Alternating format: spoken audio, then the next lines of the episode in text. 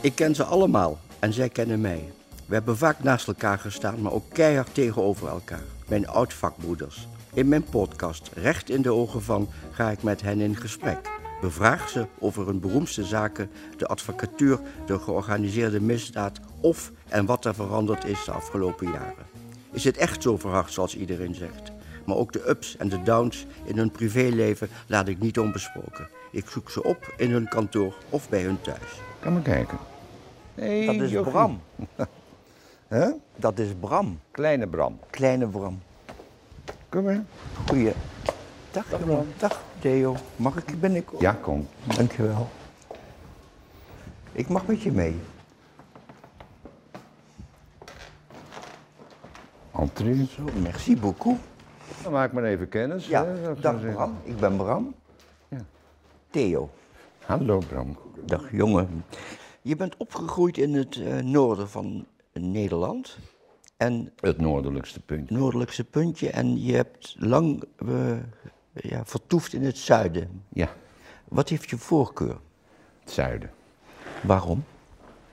Eh, gemoedelijkheid.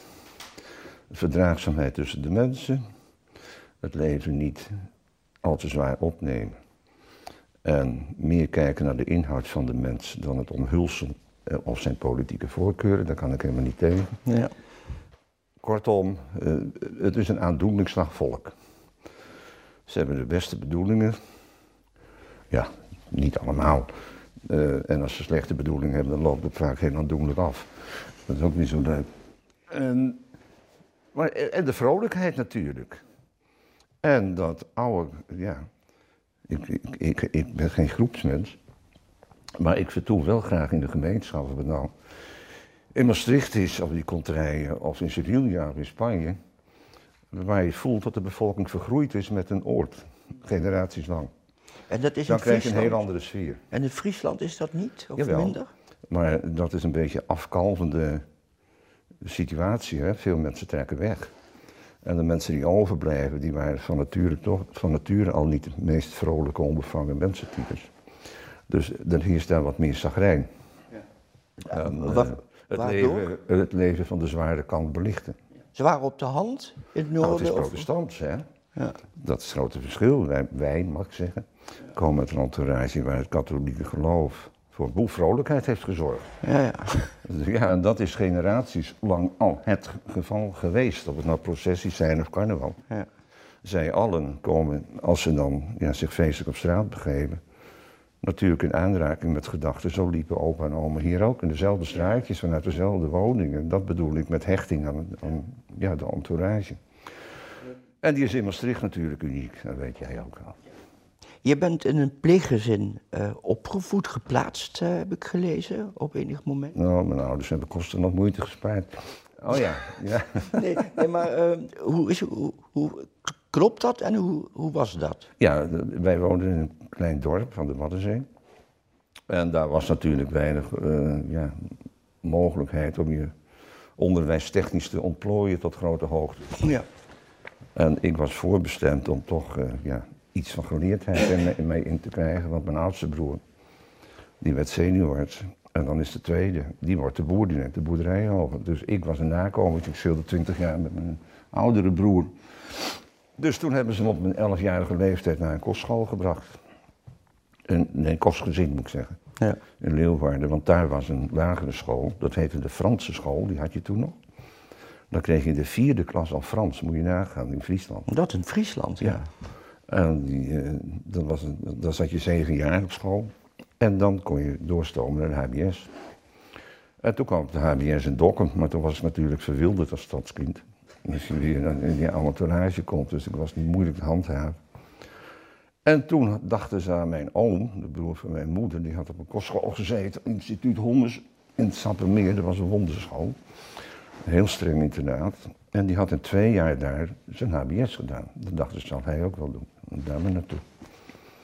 En eh, toen ben ik in het Groningse landschap beland. In een kostschool. En later ben je zelfs beland bij Vindicat. Nou, ik heb nog een tussenstation gehad. Want het laatste jaar van die kostschool, toen ging het mis. Want ik, ik spijbelde verschrikkelijk veel. En ik liep de jazzclubs af in Groningen. En dan moest je s'avonds weer de kostschool via de regenpijp. Ja, vreselijk, want die jongetjes allemaal aangesproken. Dus mijn ouders zagen dat mislopen en toen hebben ze gedacht, dan moet hij maar in een gezin. Nou, ik ben nooit opgevoed in een warme gezinssituatie, snap je wel. En toen kwam ik bij een onderwijzersgezin in een mooi park in Hoge Zand. En die hadden twee dochters. En toen werd ik opeens opgenomen in een warme gezinssetting. Ja, dat, geeft warmte en binding. En mijn vader kwam dan op gezette tijden eens even kijken of mijn studieresultaten wel vlotten. En die uh, heer des huizes, die onderwijzer, waar ik een hecht bondgenootschap mee had, die moest dan verslag doen hoe het met mij ging. En toen ben ik gaan werken, want ik wou die man niet teleurstellen. Als hij voor mijn vader op zijn knieën moest, want hij dat doet niks en het lukt niet en wat dan ook. Dan voelde ik dat ik hem afviel en tekort deed. En die man die heeft ervoor gezorgd dat ik vanuit de situatie van dat gezin, die huiselijkheid en loyaliteit van hem, aan mijn HBS-diploma ben gekomen. En dit is een hele betekenisvolle man voor mij geweest. En die heette Bram. Nou begrijp ik. En dat is de connectie met dat heerschap. Ja, ja. Ik had al de ijdele hoop. Want ik aai hem veel. Net als ik in gedachten jou steeds moet aaien. Ja, daar moet je niet aan denken. Dat moet je. Maar mooi, mooi verhaal. Vindicat, ehm, ja, daar weten we nu allemaal van wat we ervan weten. Was dat toen ook zo? Je bent lid geweest? Nou, ik, kijk, ik had op kostscholen gezeten. En toen moest ik nog in dienst. 18 maanden. Naar de HBS. En toen kwam ik bij Vindicat. Nou, als je altijd in het dwangregime hebt gezeten, dan laat je niet zo snel onderknuppels ontgroenen en dat soort onzin had ik echt geen zin meer. Ja, dat dacht ik al. ja. En toen ben ik naar de rector magnificus gelopen. En dat is, hoe heet die nou? Later een advocaat geworden, nou, schiet me niet eens. Eh, Kemper, de oude deken hier, die was toen rector magnificus. En daar heb ik tegen gezegd van, eh, doe me dit niet aan. Nou, dat hoefde ik niet. Dan mocht ik zo naar binnen. Maar ik ben nooit actief eh, betrokken geweest bij eh, in clubverband opstomen tegen eh, eerstejaars of wat dan ook, die onzin, die bullshit, daar moet ik niks van hebben. Ik heb dat gedaan omdat ik vanuit die kost, dat kostschoolverleden een heleboel interessante karakters heb ontmoet. En dat waren allemaal jongetjes uit het Gooi, of uit de diplomatieke dienst uit verre landen. En die waren allemaal een beetje mentaal aangetast. Want ze kwamen veel uit gescheiden gezinnen, dat was een grote boel. En eh, mislukt op middelbare scholen, dus er zaten jongens van 23 jaar in de eerste klas van de HBS. Maar daar zaten ook een heleboel ja, excentrieke types tussen, dat snap je wel, als je op je eentje wordt gezet. En, je komt uit een familie die wat avontuurlijk is ingericht met buitenlandse reizen of op een kasteel woont. Eh, er was veel adel. Dan kom je met eh, bijzondere karakters in aanraking. En die vind je niet bij een gemiddelde studentenvereniging, dat is één pot nat. Maar die gekken, die dwazen en die lolbroeken en die excentrieke types zaten allemaal bij Vindica. Dus als je daar naartoe ging, dan gebeurde er wat, reuring. Reuring, ja. En ze hadden de mooiste feesten, galas. Nou, daarvoor ben ik er naartoe gegaan. ja, ja. En je kon daar ochtends tot het opkomen van de zon op het balkon zitten, uitzicht op de grote markt. En dat beviel je wel, hè? En dan werd je door iemand in livrei bediend op het terras. Nou, waar vind je dat? Eventjes naar de advocatuur, of even. Ehm, Mis je het? zeg je? Mis je het? Ik mis het, ja. Ja, ja. iedere dag nog. Maar eh, daar heb ik me bij neer te leggen, vooralsnog. Kun je het niet nog een keer proberen? Ja, dat zeker, dat kan. Dan kan ik iedere, ieder jaar kan ik het weer proberen. Ja, dat zou ik doen ook. Er moet er wel één met een beetje warm kloppend mensenhart nog zitten bij al die fossielen, toch? Dit is heerlijk. Hè? Ja, Ja, ik snap niet. Nou ja, dat is buiten de orde van dit programma, maar ik snap die, dat rode mens van jou, dat heb ik nooit goed kunnen nee, begrijpen. nee, ik ook niet. Je hebt er natuurlijk administratief niet helemaal een vlekkeloos verleden opgebouwd. Zeker niet. Maar er waren alternatieve strafbaarden denkbaar. Want één, de, de core business waar het om gaat en de advocatuur is pleiten en je klant bedienen. Dat kon jij bij je uitsteken. Daar hebben ze nooit een vingertje tussen kunnen brengen. Nou, dan ga je zo'n talent toch niet koud stellen. Dan zeg je, meneer Moskowitz, u mag de eerste vijf jaar geen betalende zaken Ja. meer doen, want u kunt geen boekhouding bijhouden. Dat is zo. Dat. Ja. Ik noem maar een dwarsstraat Ja, als dat- mogelijkheid. nou ja, dat- dat heb ik nooit begrepen. met genoeg gedaan. Wat er precies achter zit, zullen we nooit weten, denk ik. Je bent gestart bij mijn papa, dat weten we alle twee.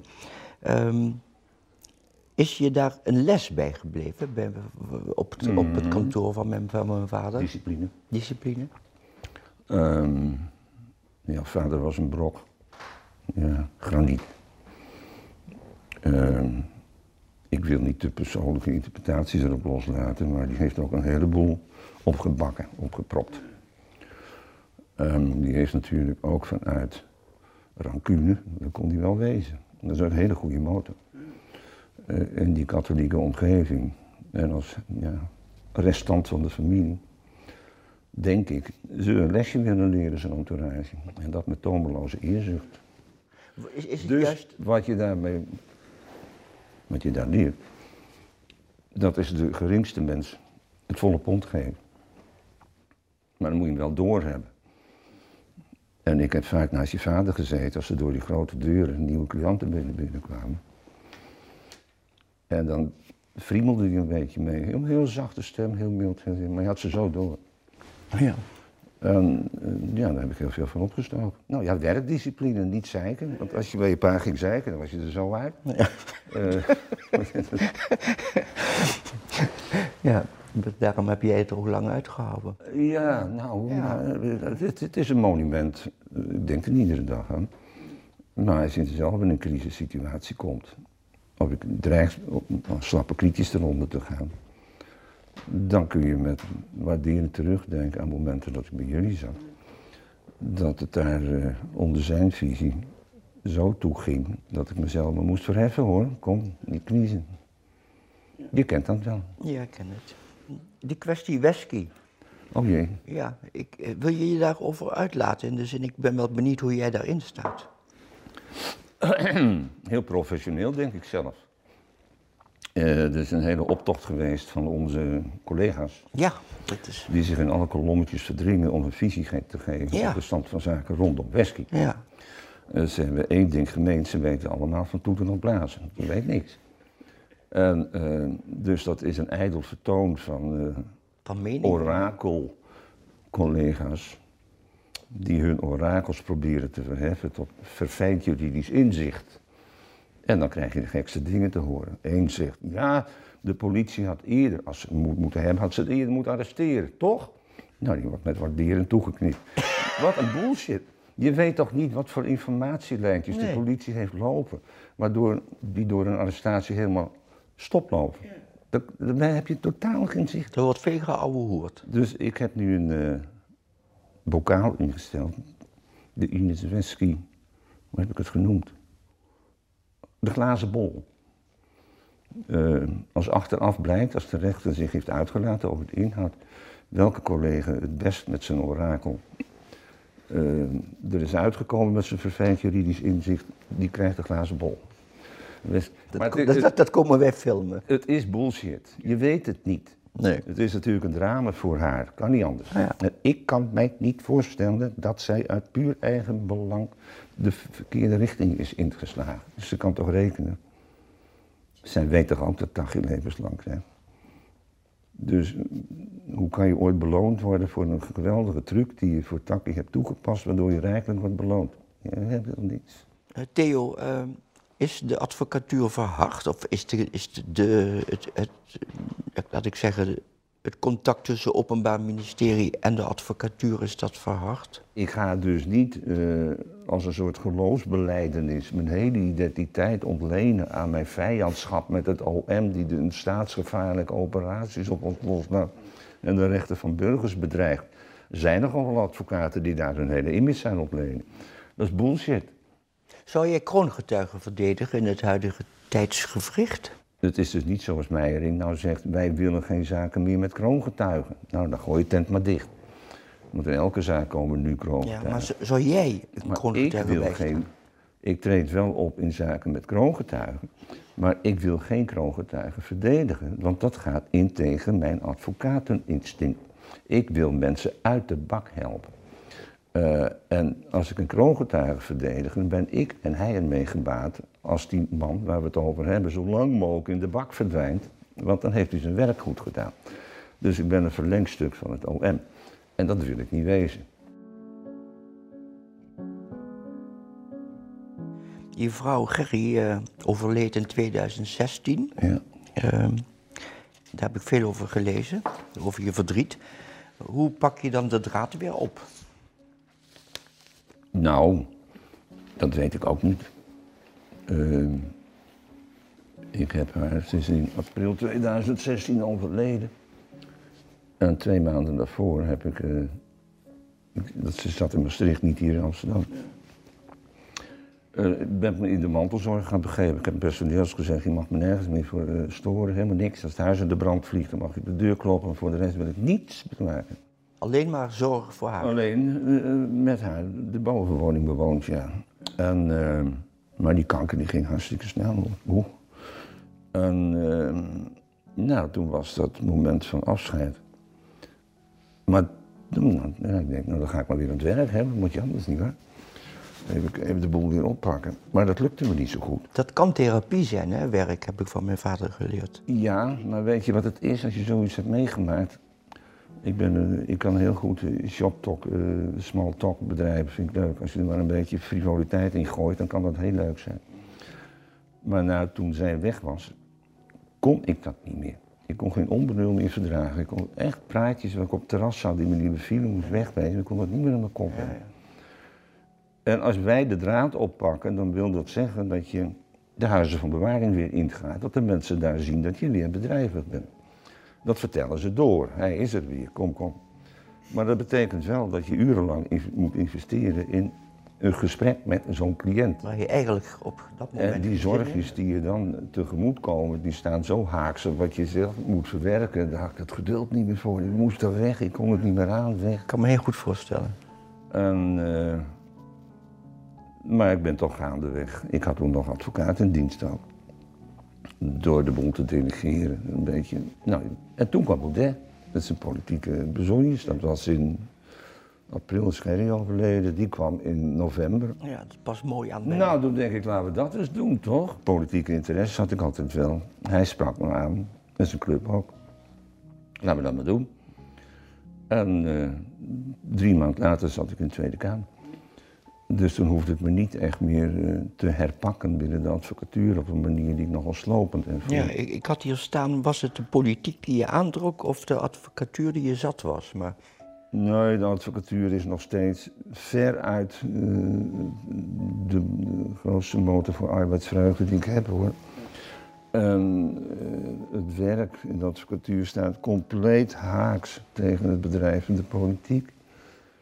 Als, wij een zaak hebben, dan verdiep je eerst in de mens, daar kan je wat voor doen, de individu, je klant. Je krijgt een dossier, dan ga je meer op, op avontuur alternatieven verzinnen, deductie op loslaten. En met een strijdplan ga je naar de rechtbank.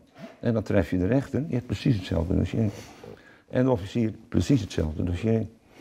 En dan kom ik met mijn verhaal, de officier komt met zijn verhaal. En twee weken later weet je waar je aan toe bent, dan doet de rechter uitspraak. En dan word je dus afgerekend op de kwaliteit van je werk, je argumenten. Als de officier gelijk krijgt, dan krijg ik te horen waarom ik mis zit. Maar het omgekeerde ook. Dus het is een open, eerlijk debat met een eerlijke uitslag. Je kan het mee eens zijn of niet, maar de procedure is helder, direct. En de waarde van wat je doet is ten dienste van een man in nood. Man, zeg ik maar. Nou, de politiek verwatert alles wat je zegt. Alles is bedisseld, eh, coalitiebelang.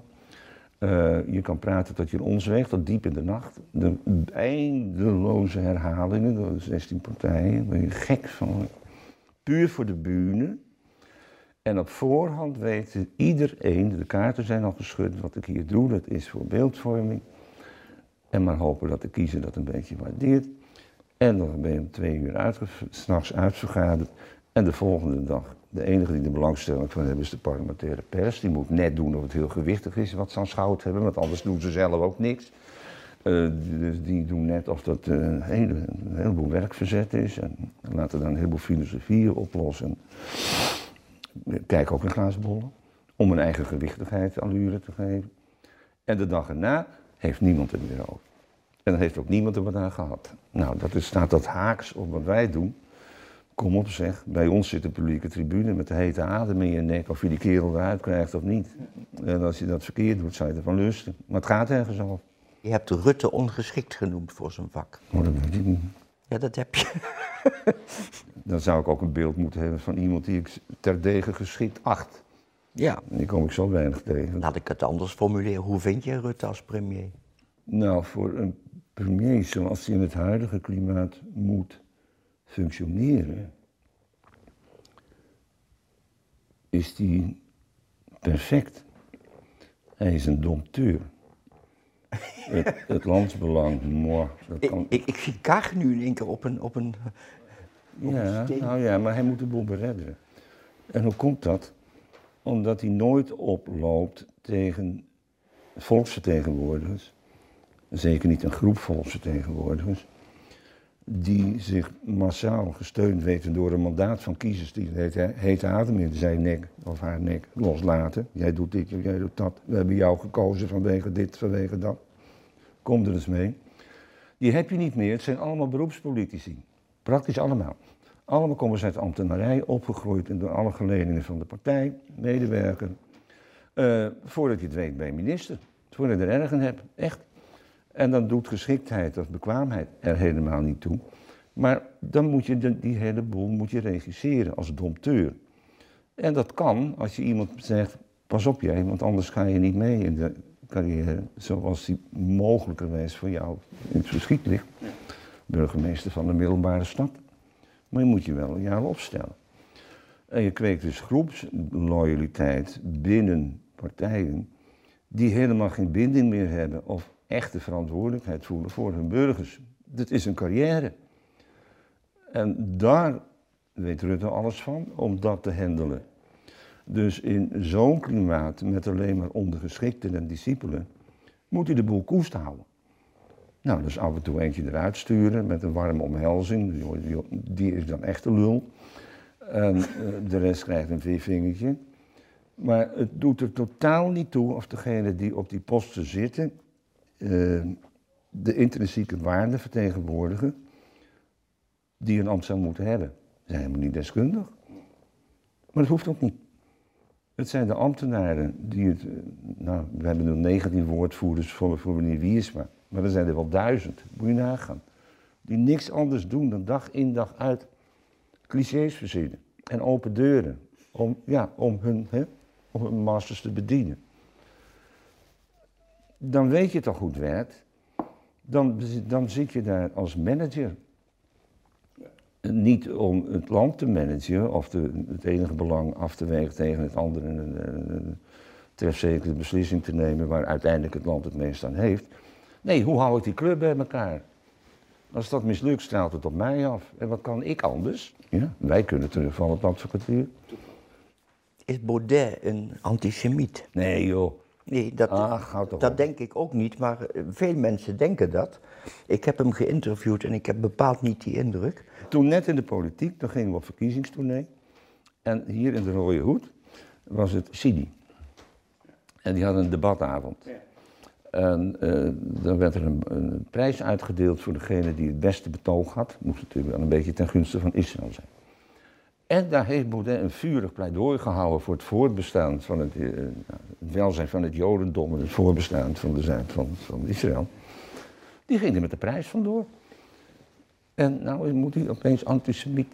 Nou kijk, ik vraag dat omdat ik zelf niet die ervaring met hem heb, omdat ik met hem, ik heb hem twee keer geïnterviewd, maar ik hoor wel steeds vanuit die partij, en dat zal jij ook weten. Ja, daarom ben ik weggegaan. Ja, dus hoe zit dat? Nou, dat weet ik ook niet. Ik heb Baudet ernstig gewaarschuwd in die tijd dat die jongerenvereniging met allemaal appgroepjes ging klooien. En dat was in de opkomst van eh, de corona. En dan, eh, dan legden de grote verbanden met de globale wereldpolitiek en geopolitiek en complotten. En eh, de mensen die hier aan de touwtjes trokken bij ons en die coronapolitiek bepaalden, die speelden ook een rol in dat grote poppenspel. Ik denk, je bent gek geworden. Maar laat mij maar, ik ben niet in de politiek gegaan. Ik ben geen microbioloog, ik ben geen kansberekenaar, ik weet niks van corona. Maar wa- wat, wat denk jij dat, want je kunt wel zeggen dat daar iets gebeurd is in die partij. Wat is daar gebeurd? Wat, wat, wat, die, Nou, die de, eerste, de eerste signalen die mij dus niet bevielen, dat was in die coronatijd dat die propaganda voor ons standpunt, ons, eh, werd opgehangen aan complottheorieën. Maar daar ook een beetje Joodse sentimenten, anti-Joodse sentimenten, eh, Door gingen niet werden gepropageerd, maar de klassieke anti-Joodse sentimenten werden wel gebruikt. Ja. En eh, toen heb ik tegen Baudet gezegd, daar moet je mee ophouden, want ze hadden toen het 4 mei-logo gebruikt dus in hun eigen... eh, Toen kwam er, en deed voor mij de deur dicht, een jongetje, kun je dat? Toen hadden ze een foto gemaakt, een fotootje van een jongetje, die staat in Polen in de rij te wachten tot hij wordt afgevoerd. En dat hadden ze geplaatst naast een fotootje van een jongetje wat vanwege corona niet het zwembad in mocht. Dat heb denk, ik, eh, dat heb ik meegekregen. Ja. Maar sprak je daar met Baudet Ja, over? zeker. Dan heb ik Baudet een lange app gestuurd. Dat, dat, dat hij mij dit niet kon aandoen. Dat ik hem heb vaak gewaarschuwd. eh, Dat ik het smakeloos vind. En wat zei hij? Dat jij maar eens moet verplaatsen in het jongetje wat daar had gestaan. Mhm. Ik heb hem ook gezegd dat ik zes jaar lang tegen de onderarm van jouw papa heb zitten aankijken. En in Maastricht waren de zomers heel heet. En dan zag je Auschwitz. Terwijl hij daar nooit over sprak. En dan gaan jullie hier met zo'n stel infantiele bullshit mensen, mensen kwetsen die daar wel nog steeds last van hebben. sodemieten. En eh, toen kwam, maar het hielp niet, want ze ging gewoon door. En toen kwam eh, weer een complot. Eh, satanisch kindermisbruik. Wij in Nederland eh, zitten met een geheim clubje. En Demming zit daarin, de oude secretaris-generaal, weet je wel. En die verbergen kinderlijkjes en die hebben satanisch misbruikt. Nou, kom je erbij. En dat, dat, dat, toen, eh, in die groepjes en in tweets. Maar wat En toen ik- was ik nog lid, toen heb ik tegen die Van Meijeren gezegd, dan moet je echt ophouden met dit gelul. Eh, want hij had gezegd in een tweet dat er enorme stapels bewijs lagen voor satanisch kindermisbruik. Ik heb gezegd, dan moet je eens ophouden, want ik word erop aangekeken. Ik wil nou dat jij één voorbeeld geeft van een redelijk vermoeden. Eén maar. Dan zal ik je rijkelijk belonen. Nooit meer wat gehoord. En toen denk ik, dit is niet mijn club. Nou, en, eh, Maar, maar sprak jij daar met Baudet over één ja, op één? hier op de stoep, hier voor het raam. En, en- en eh, mag, mag, ik- mag ik weten hoe, hoe- die daarin stond? Eh, ja, te laconiek. Hij kent die jongetjes, ik noem het jongetjes, hoor, sorry. Hij kent ze, ik helemaal niet. Ik kwam aanwaaien in die partij, maar die was al lang opgericht. Ik zat er drie maanden in. Toen kreeg ik bestuursruzies. Ik denk, nou, daar snap ik ook niks van. Maar ik wil, daarvoor zit ik in de politiek. Maar hij kent die jongetjes van, van, van die, die jeugdclubjes. En eh, hij kent ze dus zo dat hij, naar zijn innerlijke overtuiging, en ja, dat kan waar zijn, hij ze niet herkent als antisemieten. maar wat zegt Ik ken dat? ze niet. Ja, ja. Maar in hun uitingen doen ze toch wel vermoeden dat ze daar last van hebben. Dat kan zijn. Eh, oh ja, ik, ik weet het niet wat ze innerlijk helemaal. Er zitten natuurlijk wel af en toe een gek tussen die echt antisemiet is. Ja, ja. Dat zal heus wel. Maar gekken vind je overal. Dat is zo. En, eh, maar ik kon het niet meer hebben. Eh, als ik in de rechtbank kom, en Ja. dan hebben wij ja, te maken gehad met rechters, advocaten, maar ook rechters. Die hoe dan ook, vaak spel, maar je waardeert ze wel. En, En ze je, moeten jou je ook- leert ook- elkaar ook- kennen van haven tot gort. En als iemand die je waardeert, je aankijkt van, helemaal, wat vind je nou van die tribunals? Dan denk ik, my god. En hier op straat word je voor antisemiet uitgescholden, en nazi, en ze staan op de stoep met, met hupsakee. Ja, dat is niet prettig. Nou, dat houdt een keer op. Nou, En je bent eh, uit de partij gegaan? nou ja, toen ben ik uit de partij Ja. gegaan. Ik zeg, hoeft niet meer. En, ehm, En je maakt nu deel uit in de Eerste Kamer van de groep eh Ventrop. Nou, dat is een hele beschaafde heel hoogleraar. Eh, Daar voel je je thuis. ach, Weet je, eh, toen ik uit de Tweede Kamer stapte, was nogal abrupt van de ene dag op de andere. Ik kreeg een hartverscheurende toespraak van Riet. Het heeft, misschien heeft dat haar dan de kop gekost hoor. Dat zal niemand zeggen. Een FVD er bijna jankend uitwaaien, maar dat is niet de bedoeling. Ik pak een ander. Maar ik heb dat puur gedaan uit nieuwsgierigheid om te kijken hoe het er daar aan toe gaat. Ja. En hoe, maar heel even, hoe gaat het daaraan toe? Eh, Wat vind je van de Eerste Dat Kamer? is een reservaat. Die heeft totaal geen zin. Dat heb ik ook tegen Maxima gezegd. Eh, bij, bij een ontvangstje, weet je wel, op Huis ten Bos, een borreltje, eh, onbevang, on, ongedwongen tussen de mensen begeven. En meneer Hiedema, nu zit u in de Eerste Kamer, wat vindt u daarvan? Ik zeg, mevrouw, nutteloos, nutteloos. Afschaffen? Maar heel, heel spannend. Je vindt het moeten moeten afschaffen? Ja, dat heeft geen enkele zin. Iedereen loopt in de... Ja, nou ja, de kaarten zijn er lang geschud. Vanuit de Tweede Kamer. Ja, maar de achtergrond is dat men daar de wijze mannen, dat wijze mannen die dan nog een keer naar de eh, wetsontwerpen kijken. Ja, de Raad van State toch ook al. Ja, dus afschaffen de Het Eerste heeft geen enkele zin. Het, eh, ik zie het nut er niet van in hoor. Er wordt wel op zeer gedragen en zeer geleerde wijze, zeer geleerde teksten. Dat moet je aanspreken. hè? Eh, maar eh, nou, zo vurig gaat het er ook weer niet aan toe. Maar je maakt dus onderdeel uit van een orgaan waarvan je zelf vindt dat het moet worden opgeheven. Ja. Dat is, dat is toch gek toch niet? Nee, helemaal niet. Nee, ik constateer nou, even ja, voor de kijker dat we het Nee, daarover eens zijn. Nee, nou ja, als ik bij kan dragen aan het politieke bewustzijn van mensen die nog denken dat de Eerste Kamer een reddingsboei is en ons van allerlei onheil kan besparen, vergeet het maar. Even terug naar wat je echt leuk vindt, de advocatuur. Eh, hoe zie je dat voor je? Ga je door net als veel anderen die in het harnas eh, sterven? Sterven? Ja, ooit. Eens kijken. Hoe gaat dat ook? Dan ga je dood, hè? Ja, nee, dat bedoel ik. Maar hou je, daar, je houdt er gewoon niet mee op, hè, denk ik. Nou ja, luister, ik voel me niet oud. Nee, ik kan er ook niks Zo aan doen. zie je er ook niet uit. Ik zie wel steeds om me heen mensen jonger worden. Dat is hinderlijk.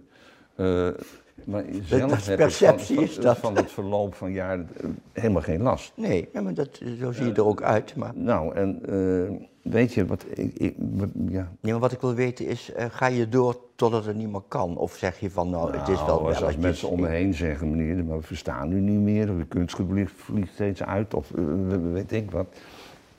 Dan wordt het wel tijd om bij jezelf eens te gaan piekeren. Hoe moet Ja, dat nou? ja, hè? maar dat speelt nog niet. Dus, Ehm, maar weet je, het is verslavend. Ja, dat Iedere dag ik. moet ik nou weer. Vroeger ging ik met een partijwagen naar Den Haag. Lekker hoor. Mooi Jackenburg. Hupsakee, op en neer. Weer opgehaald. Nou sta je weer om zeven uur naast je bed op de koude vloer. Met Centraal Station. Eh, met een trein die vol is. En moet je, moet je, moet je wringen. Het valt tegen. En, ehm, maar dan heb je wel al een praatje met de juffrouw van de kiosk. Eh, met, met, met, met de krantenboer. Met de man van de smullers. De conducteur. Dat soort dingen, die, die, die maken het leven heel leuk hoor. Rij je nog zelf? Jazeker. Want wij hebben ook gemeend dat we van mooie auto's houden. Ja. Ik heb mijn Aston verkocht. Heb je hem verkocht. Dat wilde ik even weten. Nee, dat heb ik al tien jaar geleden gedaan. En waar rij je nu en dan?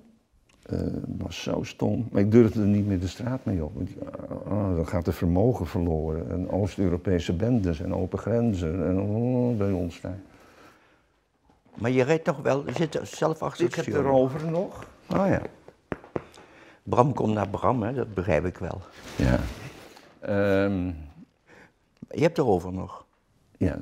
Dat is P5, 3,5 liter ja, coupé. prachtig. Ja. Wie had er ook een? Mijn vader en mijn broer, ja. dezelfde kleur, zelfs coupé. Nee, andere kleur. En met een wit dak had hij op. Klopt. Ja, die van mij is even Ja. Garden Green. En die heb je nog. Die is in staat van nieuw. En de Porsche Carrera 911. Nou, dat lijkt me een goed einde. Is dat het? Wat we nu doen? De rest mij jou dankjewel te zeggen voor dit eh, aangename onderhoud. Je was heel welkom, Bram. Je was zeer welkom. Goed zo. Maakt een beetje de cirkel rond. Zo is het. Zo voel ik het ook. Wie zou jij willen horen in mijn podcast Recht in de Ogen van? Laat het mij weten op crime.telpanetwork.com. Voor nu bedankt voor het luisteren. Tot de volgende keer.